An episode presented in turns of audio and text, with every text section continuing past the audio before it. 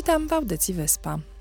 Jest to program, w którym omawiamy, co się dzieje na Islandii i o tym, dlaczego powinno nam na tym zależeć. Nazywam się Margaret Adamsdottir, jestem reporterem wiadomości w telewizji RUF i jestem autorem tego programu. Niezwykłe zjawisko naturalne pojawiło się ostatnio na islandzkim niebie. Wokół Słońca powstało zjawisko halo. Po jego obu stronach widoczne były poboczne Słońca, a także tęczowa aureola. Wielu mieszkańców Islandii obserwowało i fotografowało to zjawisko, gdyż tym razem było ono niezwykle wyraźne i entuzjaści nieba cieszyli się z tego, że było to również kilka zjawisk naraz. Islandia znajduje się w zasięgu klimatu subarktycznego i dlatego pewne zjawiska optyczne można częściej zaobserwować tutaj niż w innych krajach. W dzisiejszym odcinku postaram się wyjaśnić, co ciekawego może się pojawiać na islandzkim niebie. Gościem audycji jest Szczepan Pepe Liganza, podróżnik i twórca gry planszowej Ring Routes.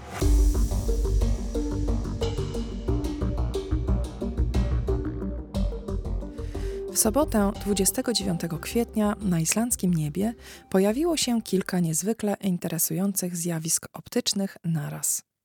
Były to halo słoneczne, poboczne słońca, a także łuk okołohoryzontalny. Halo jest jednym z ciekawszych zjawisk świetlnych na niebie i można zaobserwować je głównie w klimacie subarktycznym, w takich miejscach jak Islandia, północna Skandynawia, Rosja czy Antarktyda. Jeżeli jednak istnieją odpowiednie warunki do jego powstania, może ono również wystąpić w innych miejscach na Ziemi.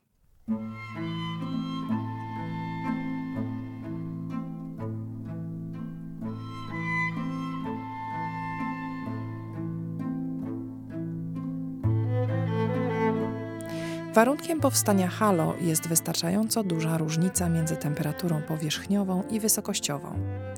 Na wysokości musi również powstać wystarczająca ilość kryształków lodu, które mogą załamać wystarczająco dużo światła, aby utworzyć pełne, okrągłe halo. Kontrasty temperatur zwykle pojawiają się w godzinach porannych, kiedy powietrze jest zimniejsze, ponieważ słońce nie ogrzało go przez całą noc. Halo jest więc najczęściej widziane w godzinach porannych. Koniecznym warunkiem do jego powstania jest obecność na niebie chmur typu cirrus, czyli pierzasto-warstwowych. Są to chmury, które powstają na wysokości od 5 do 10 km nad ziemią i składają się z kryształków lodu, które mają specyficzne kształty. Niektóre z nich są płaskie, inne w swoim kształcie przypominają bębenek, a jeszcze inne są podłużne, jak ołówki. Te maleńkie kryształki przełamują i odbijają światło słoneczne. Kiedy słońce przez nie prześwieca, światło załamuje się i odbija.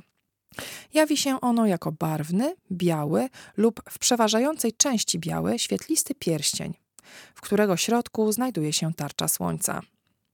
Krąg ten ma zwykle słabo widoczne zabarwienie czerwone od wewnątrz i w rzadkich przypadkach fioletowe na zewnątrz. Część nieba wewnątrz kręgu jest wyraźnie ciemniejsza niż na zewnątrz. Najczęściej występującym halo jest tak zwane małe halo o rozmiarze kątowym 22 stopni, które powstaje przez załamanie na powierzchniach kryształków o kącie łamiącym 60 stopni. W atmosferze polarnej, takiej jak nasza, mogą również wystąpić zjawiska halo o innych promieniach, jeżeli kryształy lodu mają kształt inny niż sześciokątne kolumny lub płytki. Rzadziej widoczne bywa więc duże halo o rozmiarze kątowym 46 stopni, które powstaje podczas załamania światła na krawędziach kryształków do siebie prostopadłych. W ubiegłą sobotę na islandzkim niebie widać było jednak nie tylko samo halo. Sajwar Helgi Bragason, pasjonat nieba i astronomii, powiedział, że nigdy wcześniej nie widział równie wyraźnego i spektakularnego zjawiska optycznego. Sajwar był gościem porannej audycji w Radiu Raus 2 we wtorek 2 maja i wyjaśnił, co się dokładnie wtedy wydarzyło. Það vildi svo til á lögadaginn að þá var þetta mjög ábrendi og ekki bara þetta heldur líka annar svona 46 gráðu baugur eða bói, rosa. Sem var ut, uh, fyrir ofan hennan hefbundna og þar efst uppi var svona. Zjawisko w ubiegłą sobotę było bardzo widoczne.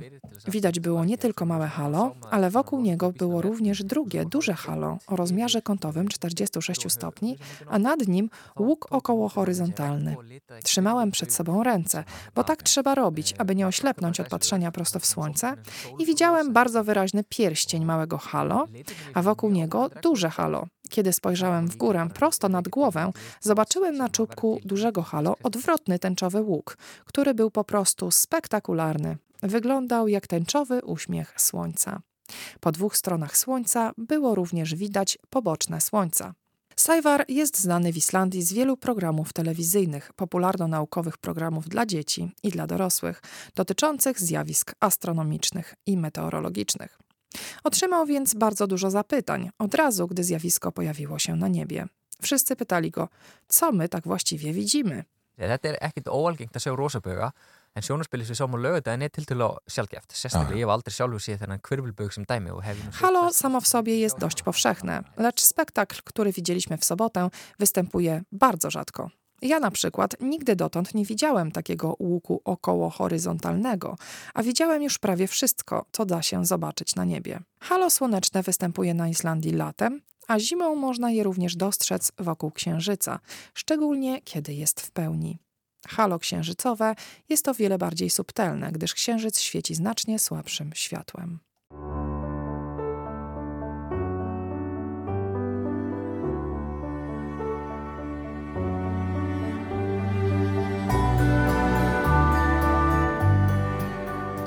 Wróćmy jednak do zjawisk atmosferycznych szczególnych dla naszej szerokości geograficznej. Innym ciekawym zjawiskiem, jakie można zaobserwować na islandzkim niebie, są polarne chmury stratosferyczne.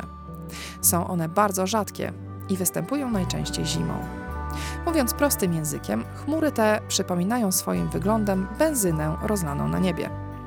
Jednym z rodzajów tych chmur to tak zwane obłoki perłowe, charakteryzujące się silną iryzacją. Iryzacja to zjawisko optyczne polegające na powstawaniu tęczowych barw w wyniku nakładania się na siebie fal światła.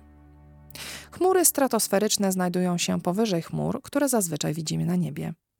Ich wysokość określa się na 15 do 25 km, a temperatura wynosi tam minus 80 stopni Celsjusza.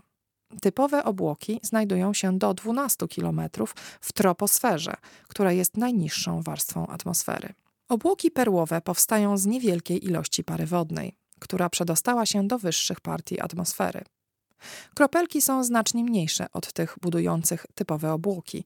Oznacza to, że w inny sposób rozpraszają światło.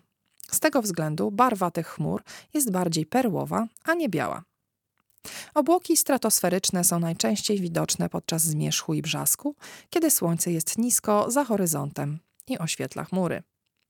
Ostatni raz obłoki perłowe pojawiły się 21 stycznia bieżącego roku na niebie nad Akureyri. Na razie jednak daleko nam do zimy, gdyż trwa już kalendarzowe islandzkie lato, a wraz z nim okres białych nocy.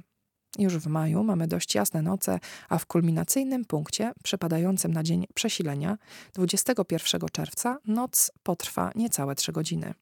W tym dniu dzień będzie trwał dokładnie 21 godzinę 8 minut i 30 sekund. Słońce wstanie o 2.55 rano, a zajdzie 3 minuty po północy.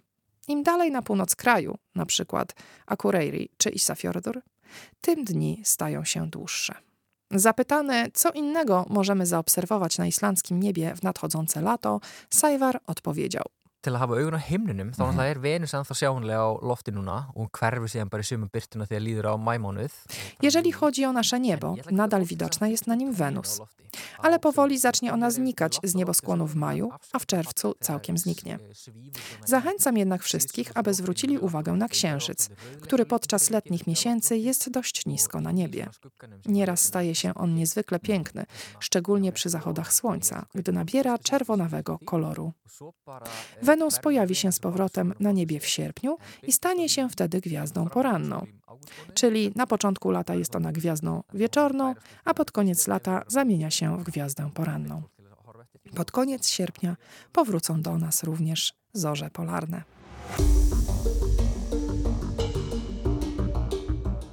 Gościem dzisiejszego odcinka jest Szczepan Pepe Ligenza, podróżnik, przewodnik po Islandii i twórca bardzo ciekawej gry, która jest również przewodnikiem po Islandii. Witam cię serdecznie. Cześć wszystkim, cześć. Byłeś w ponad 80 państwach na świecie. Co sprawiło, że wybrałeś akurat Islandię, żeby się osiedlić? Wiesz co, no chyba ten, e, ten krajobraz, ten bezkres, przemierzasz te pustkowia islandzkie i widzisz po prostu tą niekończącą się przyrodę, niczym nie, nieprzerwaną. No to jest coś, coś nieprawdopodobnego. Taka podróż na inną planetę i, i kiedy podróżując po świecie trafiłem tutaj, no zachwyciłem się, totalnie się zachwyciłem. Pamiętam, że ze znajomymi wtedy, było w 2015 roku, objechaliśmy Islandię dookoła, w sumie nie mając pojęcia, co tutaj jest do zobaczenia, no może poza gejzirem, którym tam człowiek kiedyś słyszał. E, objechaliśmy dookoła, na południu była cudowna taka wiosna, takie lato, ni to jedno, ni to Coś- drugie, coś ale tak jak teraz. tak, takie właśnie, ale taka piękna ta zieleń tej islandzkiej trawy. I jechaliśmy dalej, Laguna Lodowcowa, nagle pojawiły się góry lodowe, Mhm. po czym człowiek przyjechał na północ i uderzyła w nas śnieżyca. I to był w ogóle taki kontrast, że jak to jest w ogóle Rozumiem. możliwe, że 200 kilometrów różnicy i, i zupełnie trafiam do innego, do innego świata. I pamiętam, że jak potem skończyliśmy całą tą podróż i przyjechaliśmy do Reykjaviku, to tak poczułem, że Boże, jakaś to jest taka energia, która powoduje, że ja tu chcę wrócić. Że czuję się tu po prostu bardzo dobrze. Nie wiem dlaczego, bo coś podobnego miałem chyba tylko w Chile kiedyś i to jest też taki, taki kraj, który mi zapadł jakby w sercu. E, No ale do Chile to jednak daleko, a ta Islandia taka bliska się wydawała. Stwierdziłem, że a może kiedyś się uda wrócić. No i się udało dwa lata później. Wymieniasz Chile, a jakie jeszcze kraje mm, zapadły ci w pamięć, jeżeli możesz? Bo 80 to jest naprawdę bardzo duża liczba. No tych krajów rzeczywiście cała masa i ciężko je do siebie porównać. Czasem mówię, że jak można porównać Hawanę na Kubie do Nowego Jorku, jak można porównać e, Limę czy jakąś niewielką miejscowość pośrodku Atakamy do e, Addys Abeby w Etiopii. To ten świat jest tak zróżnicowany Mhm. i tak niesamowity, że każdy z tych rejonów ma coś w sobie. E, Oczywiście jedne podobało nam się bardziej, inne mniej. E, No ja mieszkałem swego czasu, niedługo, ale mieszkałem w Etiopii i zakochałem się w tym kraju. E, Podróżowałem i też mieszkałem w Meksyku. Tych krajów tak naprawdę można wymienić. No właśnie to Chile, o którym wcześniej wspomniałem. Nowa Zelandia, no coś fantastycznego. Nowa Zelandia taka troszkę cieplejsza Islandia, Mhm. ale taka już zupełnie na końcu świata. Fidżi, no w ogóle raj, rajskie wyspy. No tych krajów jest rzeczywiście no, ogrom i, i wciąż mało. Wciąż by się chciało mm, więcej ich zobaczyć. Ale ta Islandia sprawiła, że wystopowałem i jakoś tak mi tutaj dobrze. O, to miło słyszeć. Tak. Miło słyszeć. E, Dalej pracujesz w branży turystycznej. Czasami jesteś przewodnikiem. Od sześciu lat mieszkam i pracuję na Islandii. W sumie zacząłem swoją pracę tutaj od pracy przewodnika. Najpierw na lodowcach, potem kładach, skuterach śnieżnych. Przez chwilę nawet na zipline tutaj w Reykjaviku. A teraz już tak troszkę po tych 4-5 latach Mhm. życia na takim pustkowiu islandzkim e, no, przeniosłem się do Reykjaviku i osiadłem, już pracuję w Mhm. biurze, już ta dziewiąta, siedemnasta. Trzeba się tam odbić i kilka maili napisać. No, Rozumiem. tak, także trochę ewoluowało to też, tak. ten, ten mój jakaś pobyt tutaj. ekspertyza już zapewne została osiągnięta, czyli e, jesteś w stanie może bardziej e, zaangażować się w, w jakieś e, ambitniejsze projekty. Mam nadzieję, że w tą stronę to wszystko zmierza i ten, mm, to, ta moja praca w właśnie tej branży turystycznej pomoże mi ku temu, żeby rozwijać inne projekty, które gdzieś tam mam e, w tyle głowy, a właściwie to z przodu głowy, bo ciągle wieczorami jak kończę jedną pracę, to wracam do domu po to, żeby siedzieć i pracować nad drugą. No właśnie, i porozmawiajmy o, o tym drugim projekcie. Jest to gra Ring Routes. Jest to gra planszowa, e, która będzie pierwszym przewodnikiem po Islandii, w który można zagrać. Proszę, opowiedz, jak wpadłeś w ogóle na coś takiego? Zaczęło się właściwie od grania w gry planszowe jeszcze w Polsce, w mojej e, dawnej pracy, mm, w takim biurze podróży właśnie, w wyszukiwarce lotów. I tam w czwartki wieczorami spotykaliśmy się po pracy i graliśmy w planszówki. I pamiętam, że w pewnym momencie wpadliśmy na pomysł, że może jak już tak przychodzimy, tutaj siedzimy i gramy, to może warto byłoby zrobić swoją własną grę planszową. No i wtedy ktoś rzucił hasło, żeby zrobić grę planszową, która by się nazywała Janusze Latania. Janusze latania, jako że jesteśmy w branży lotniczej, wyszukiwarka lotów, no to by się jakby trzymało. Ale gdzieś ten pomysł jakby upadł i pewnie większość osób i pewnie nawet twórca tego hasła, ktokolwiek to był o tym zapomniał, a mi to gdzieś tam w głowie z tyłu zostało. No i kiedy przyszła pandemia, i kiedy rzeczywiście tutaj no, podziało się na Islandii Mhm. w branży turystycznej, ja straciłem pracę właściwie z dnia na dzień, no to człowiek chciał się czymś zająć. Chciał się na czymś skupić, chciał jakoś wykorzystać ten czas, który nagle niespodziewanie na niego spadł. A, a ponieważ mieszkałem na pustkowiu, no starałem się jakby wykorzystać to miejsce, które, które mam, że jest cisza, spokój, nie ma nikogo. A które to pustkowie było? Wiesz co, w okolicach Wiku, przy lodowcu właściwie Solheima, jako tam w, barze, w bazie mm, przewodników lodowcowych mieszkałem. A ponieważ większość ludzi wyjechała, zostałem właściwie sam, no to żeby też nie zwariować po prostu. No tak, e, musiałeś coś zacząć Musiałem coś, robić. coś zacząć robić. Trafiłem na bezrobocie, a bardzo źle bym się z tym czuł, gdybym czuł, że dostaję pieniądze nic nie robiąc. Mhm. Więc chciałem zacząć wykorzystywać ten czas, który na mnie spadł, właśnie na stworzenie nowego projektu, na grę planszową. No i zacząłem robić tych Januszy latania. Po czym po dwóch, trzech tygodniach pracy nad Januszami latania stwierdziłem, że nie, że jednak to jest fajne, może kiedyś wrócę do tego pomysłu, ale warto zrobić coś innego, coś głębszego, coś, co rzeczywiście ma jakąś większą perspektywę przebicia. Mhm. No i coś, co w gruncie rzeczy może mi pomóc wrócić do pracy. No bo wtedy początek pandemii, nie wiadomo jak długo e, ten paraliż, że tak powiem, branży turystycznej e, miał trwać. Więc była taka duża, wielka niewiadoma, więc ja pomyślałem, że zrobię grę, która może sprawić, że ci turyści na Islandię wrócą szybciej. Oczywiście turyści wrócili, gra jest jeszcze nie gotowa, tak, ale, ale taki był plan jakby Rozumiem. tego, tak, żeby przyspieszyć całe te procesy, no bo jak wrócą turyści, będę miał pracę. Świetnie. A powiedz mi, jak wygląda proces produkowania takiej gry? Od czego człowiek zaczyna? Hmm, zaczyna się od kartki papieru, ołówka Mhm. i rozrysowania pewnego konceptu. Dużo klejenia, dużo wycinania. Czyli fizycznie musisz ją stworzyć po prostu jakiś taki prototyp. Tak, tak. No jest to, jest to niezbędne i w sumie im prostszy, im szybciej się go zrobi, im szybciej zacznie się go testować, tym lepiej. No ja już nad tą grą pracuję prawie 3 lata. Ta ewolucja tej gry jest bardzo duża. Mam jeszcze wciąż w szafie schowaną tą pierwszą wersję sklejonych kartek z sobą, tak jak cały świat ten. będzie w nią grał, to możesz wtedy pokazać. To ja sobie go wtedy, jeśli bym kiedyś firmę stworzył, to powieszę tą pierwszą wersję na ścianie, takie Tak. po prostu papiery W ramach. w ramkach sobie Tak. tak. dla siebie, na pamiątkę, ale wciąż ją sobie trzymam, żeby właśnie mi przypominało to, od czego zaczynałem, a gdzie teraz jestem i jak ta, ta gra ewoluowała, bo to jest cały proces. To Mhm. jest nie tylko właśnie rysowanie, ale to jest spotykanie się z ludźmi. Pamiętam, że raz y, właśnie z okolic Wiku jechałem aż pod y, Jokulsaron, a nawet dalej, po to, żeby z kimś zagrać i tą grę przetestować, bo w okolicy nie było nikogo, kto by chciał ze mną w to No zagrać. to kawałek, kawałek trzeba Więc było to przejechać. rzeczywiście no, 200-300 kilometrów jazdy po to, żeby zagrać w grę swoją własną, która wyglądała jak wyglądała. No.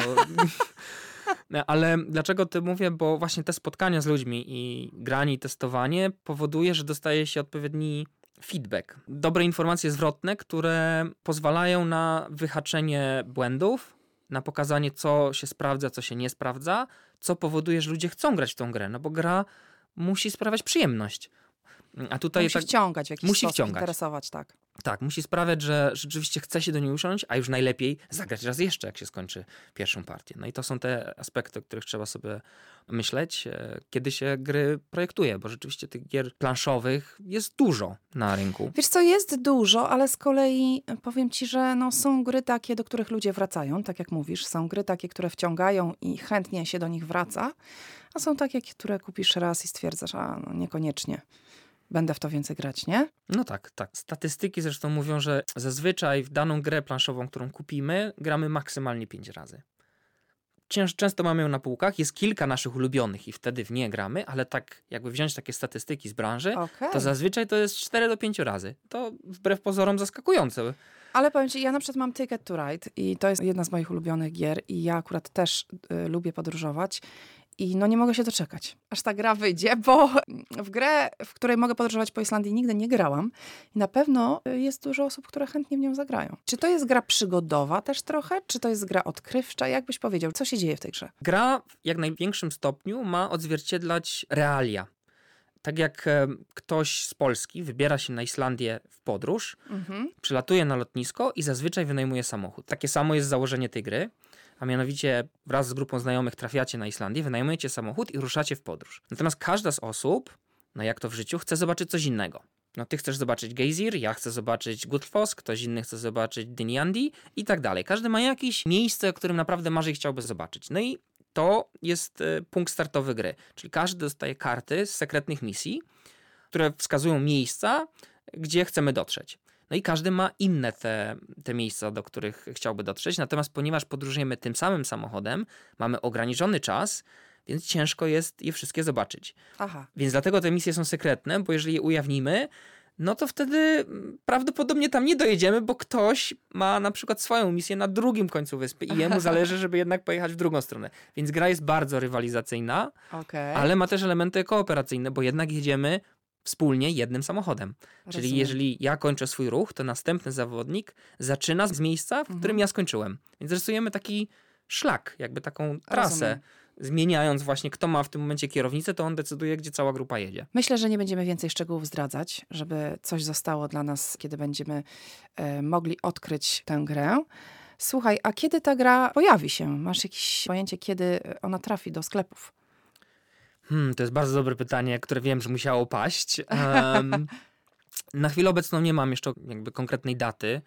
Idealnie byłoby wydać ją wiosną przyszłego roku, 2024, bo rzeczywiście jest to cały proces tworzenia tej gry, wyprodukowania, ale też zorganizowania zbiórki e, społecznościowej, bo w ten sposób chciałbym tą grę wydać. Mhm. Czyli to albo w Polsce na Wspieram to, czy tam międzynarodowo na Kickstarterze, czy GameFound.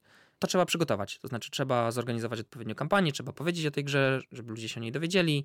Mm, trzeba przygotować odpowiednie materiały, skontaktować się. Znaczy, ja już się kontaktowałem z producentami, wiesz, koszty i tak dalej, więc celuję w przyszły rok, ale też dlatego, ponieważ brałem udział w inkubacji, w biznesowej inkubacji w Polsce i wiem, że kolejny jakby etap, e, kiedy można aplikować o środki unijne, które miałyby pomóc między innymi w wyprodukowaniu tej gry, e, zaczyna się jesienią. Na wiosnę ta gra mogłaby ruszyć. Jak się nie uda, to i tak plan A jest co ze środkami islandzkimi?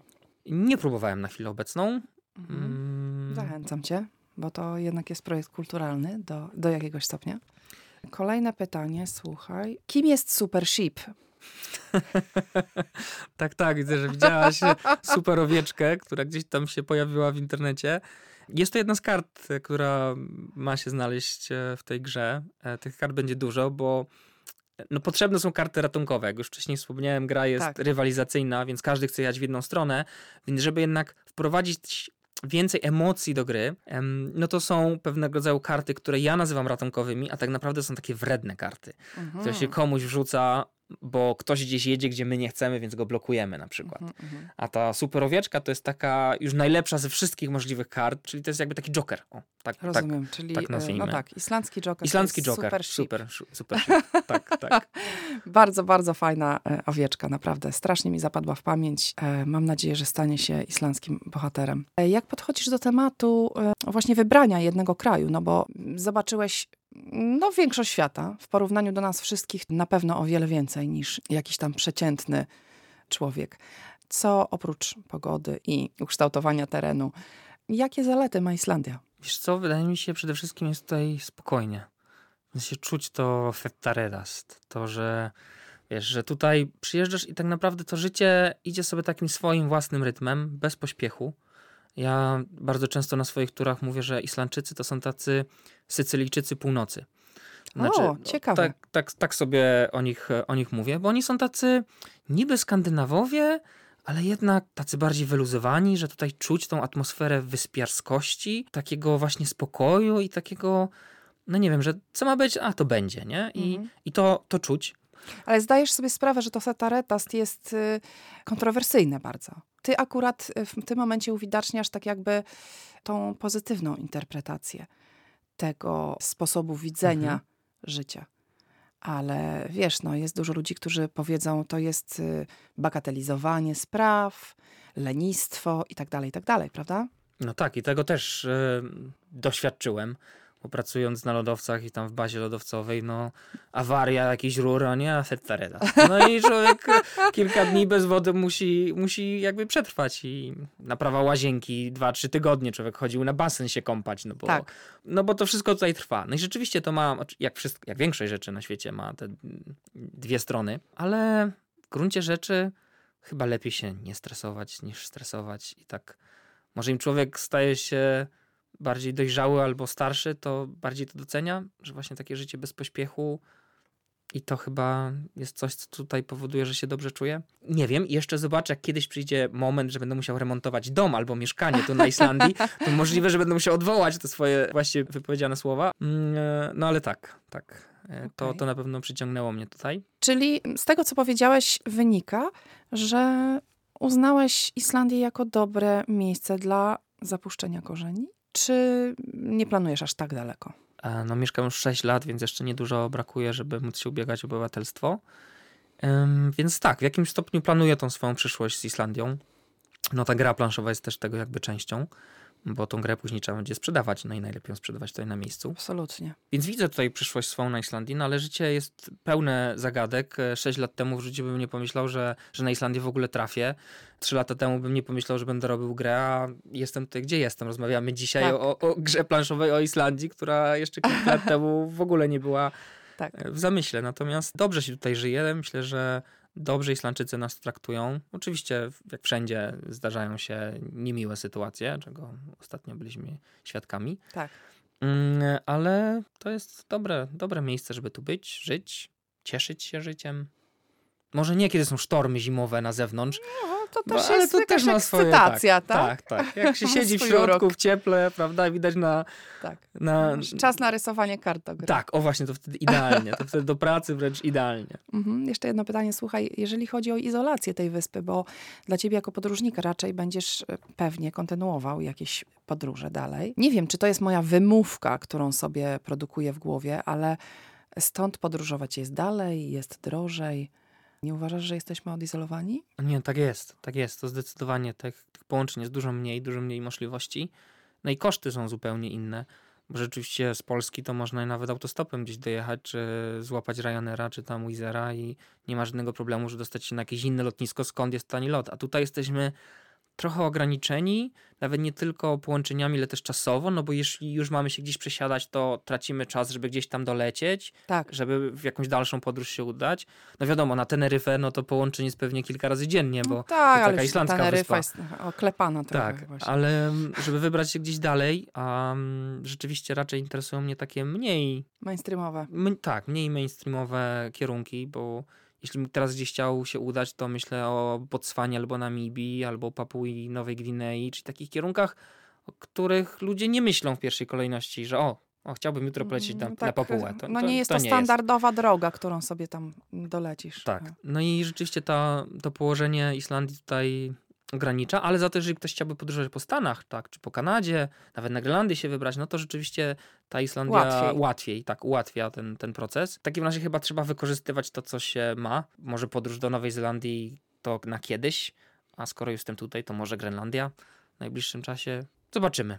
Tak, na chwilę obecną nie mam żadnych planów większych podróżniczych, bo skupiam się na grze. Więc czas, który mam, muszę w jakiś sposób wygospodarować, no i wolę się skupić jednak na pracy, żeby to kiedyś przyniosło efekty i wtedy mógłbym już nic nie robić i sobie leżeć na takiej cieplejszej wersji Islandii gdzieś może. Kiedyś. I tego Ci serdecznie życzę. Bardzo Ci dziękuję za przyjście do studia i opowiedzenie nam o Twoich projektach i o Twoim życiu. Dziękuję.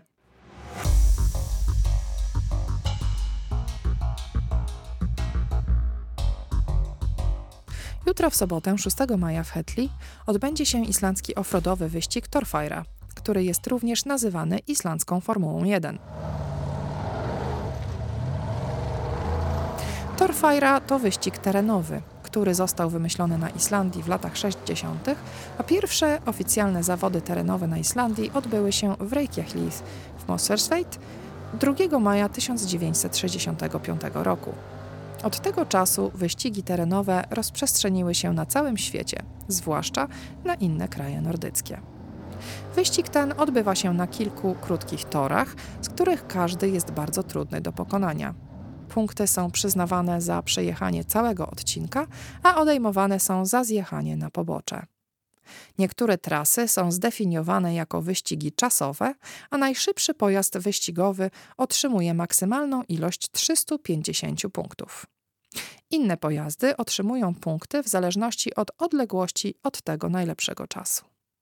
Wyścig rozpocznie się o godzinie 11 w Hetli i potrwa do późnego popołudnia. Rozdanie nagród przewidziane jest na godzinę 18.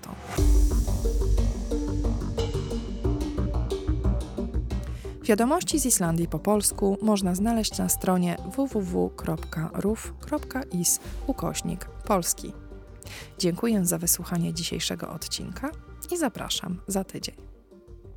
Eurowizja zbliża się do nas szybkimi krokami. Słuchaliśmy już w wyspie reprezentantki Islandii, którą w tym roku jest Dyliał z piosenką Power. Dziś posłuchajmy polskiej reprezentantki Blanki, która zaśpiewa utwór solo 11 maja w drugim półfinale konkursu w Liverpoolu.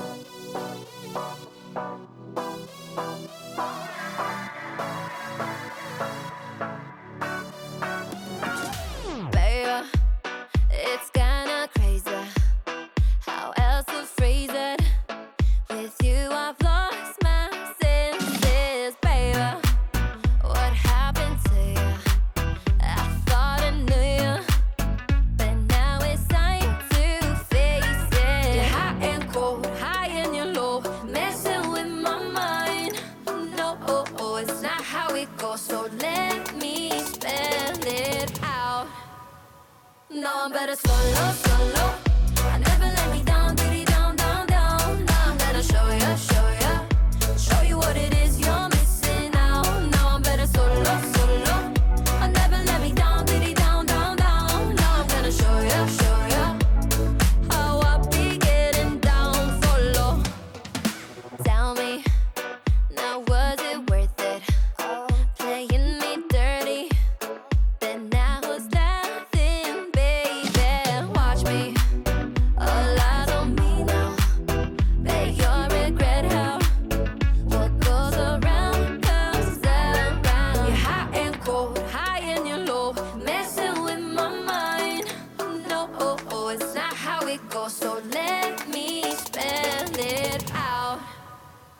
No, I'm better solo, solo. I never let me down, diddy down, down, down. Now I'm gonna show ya, show ya, show you what it is you're missing out. Now I'm better solo, solo. I never let me down, diddy down, down, down. Now I'm gonna show ya, show ya oh, how I be getting down for low. No, no, I'm going solo. Yeah, better, better watch me now. Cause I know how to let go. Gonna make it, make it